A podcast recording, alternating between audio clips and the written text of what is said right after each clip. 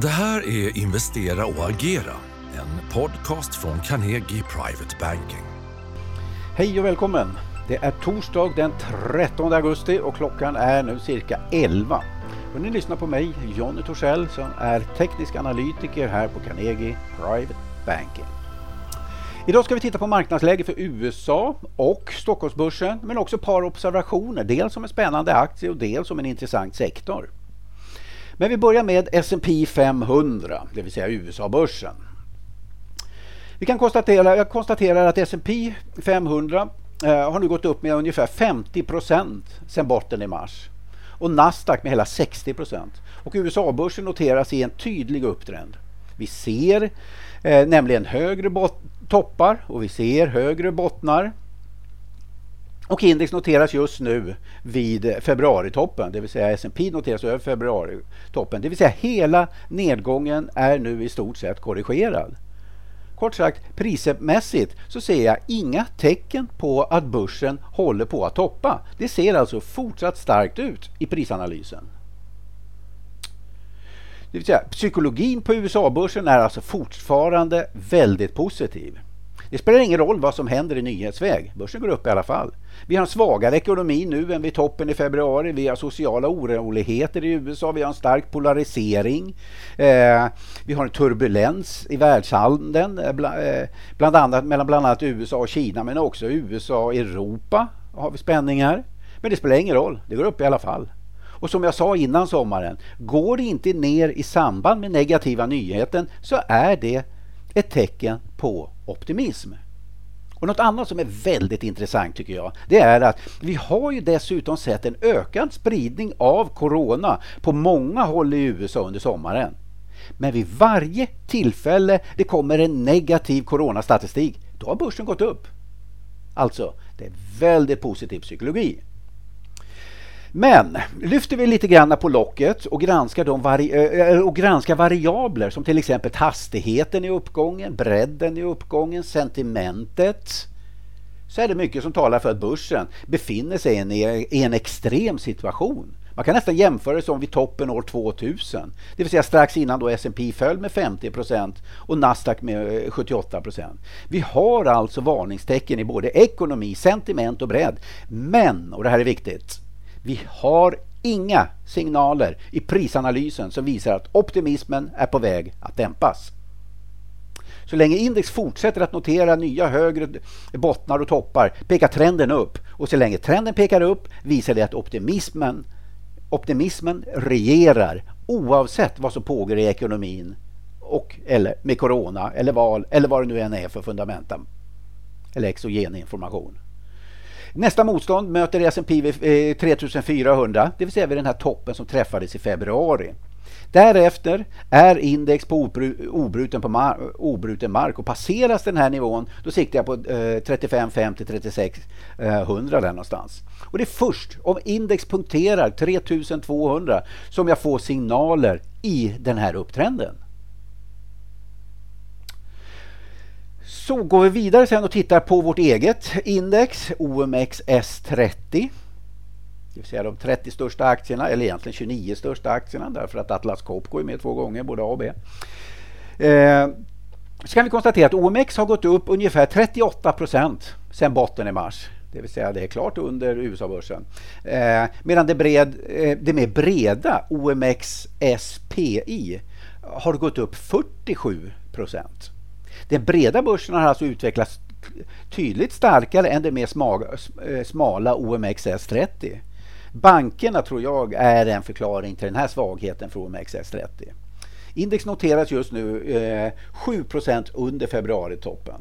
Medan vi kan konstatera då att S&P noteras invid precis vid den eh, februaritoppen och Nasdaq klart över den februaritoppen. Men OMX alltså 7% under. Tittar man på diagrammet eh, som jag har nu gjort efter semester, efter tre veckors semester här, så konstaterar jag nu att OMX-index noterar stegvis högre bottnar och successivt högre toppar. Dessa högre bottnar och toppar visar att den sekundära trenden, det vill säga den trend som vi mäter från veckor till månader, pekar upp. Nästa motstånd möter vi 1800 Och passeras den nivån så är det fritt fram för en uppgång mot eh, februaritoppen som fungerar som en magnet och den möter vi ungefär 1900-nivån. Då. Oavsett vad du eller jag har för farhågor eller, eller några andra experter, ekonomer eller något sånt där, vad vi har för farhågor om den ekonomiska utvecklingen under hösten och vintern så visar den stora flocken av placerare att man vill äga aktier. Så länge det här mönstret fortsätter, det vill säga att, att så länge index fortsätter att uppvisa successivt högre bottnar och toppar, då är jag positiv till börsen. Nästa varningssignal den ges först om index underskrider det tunga stödområdet vid eh, eh, 1690 till 1700. Så det var det om eh, indexanalysen. Låt oss kolla på några enskilda tradingcase. Då. Eh, enskilda rekommendationer, det kan jag inte ge. Men istället så kan jag ge ett par observationer som jag tycker ser spännande ut ur ett tekniskt perspektiv. Och det är dels en aktie som heter Eltel och dels eh, fastighetssektorn. Vi börjar med aktien. När det gäller Eltel så har aktien under de senaste månaderna noterat sin stor konsolidering med stegvis lägre toppar och successivt högre bottnar. Det vill säga, eh, det här bildar ju då en triangelformation. Passeras motståndet vid 21 kronor finns förutsättningar för en uppgång mot en 27 eh, kronor där någonstans under de kommande 68 månaderna. Punkteras istället stödet vid 18,60 bryts det positiva scenariot. Vi har en eh, uppgångspotential på i runda slängar 30 procent skulle jag säga. Och en teoretisk risk på drygt 10 procent. Eh, vilket är positivt. Men man ska dock vara medveten om att det, är, det här är en aktie med en låg eh, daglig omsättning, vilket naturligtvis kan vara en risk om aktien går åt fel håll. Men överlag kan jag konstatera att min analys visar att vi har cirka 60% sannolikhet för att tjäna kanske en 30% och cirka 40% risk att förlora 10 till 12% eller vad det nu kan vara för någonting. Så att överlag är det en spännande aktie i min värld. Tittar vi sen på en sektor eh, som är fastighetssektorn tycker jag ser intressant ut. Eh, och det beror på att eh, den här sektorn har laggat övriga, eh, övriga börsen. Och eh, den har också noterat sin period av låg volatilitet. Under de knappt 100 börsdagarna som det eh, under de senaste 100 börsdagarna så har OMX gått upp med ungefär 37 procent.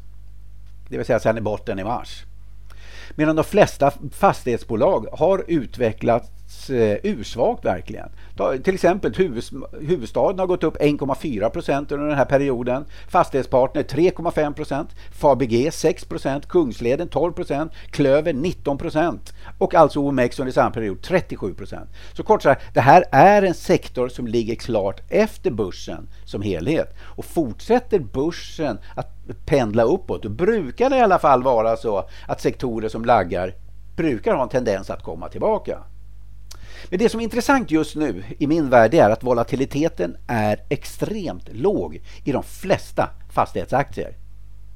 Och varför är det intressant? Jo, därför att vi vet med in till visshet gränsande sannolikhet att låg volatilitet vanligtvis följs av en trendrörelse. Problemet med det här det är att vi vanligtvis inte vet åt vilket håll vi ska få den här trendrörelsen utan bara att det ska bli en trendrörelse. Så hur löser vi då det problemet? Jo, vi tittar på, naturligtvis på åt vilket håll det bryter utåt. Om det börjar eh, bryta ut på uppsidan, då börjar vi ta positioner på uppsidan till exempel. Skulle det bryta ut på nedsidan, ja men då räknar jag att den här volatilitetsbaserade rörelsen som jag förväntar mig ska komma, ska ske då på nedsidan. Så att nu ska det bli eh, eh oerhört intressant att se åt vilket håll vi får de här utbrotten i fastighetsbolagen som i sin tur då kommer att indikera då eh, att nästa stora trendrörelse har startat. Så det här kan i alla fall vara någonting att hålla ögonen på.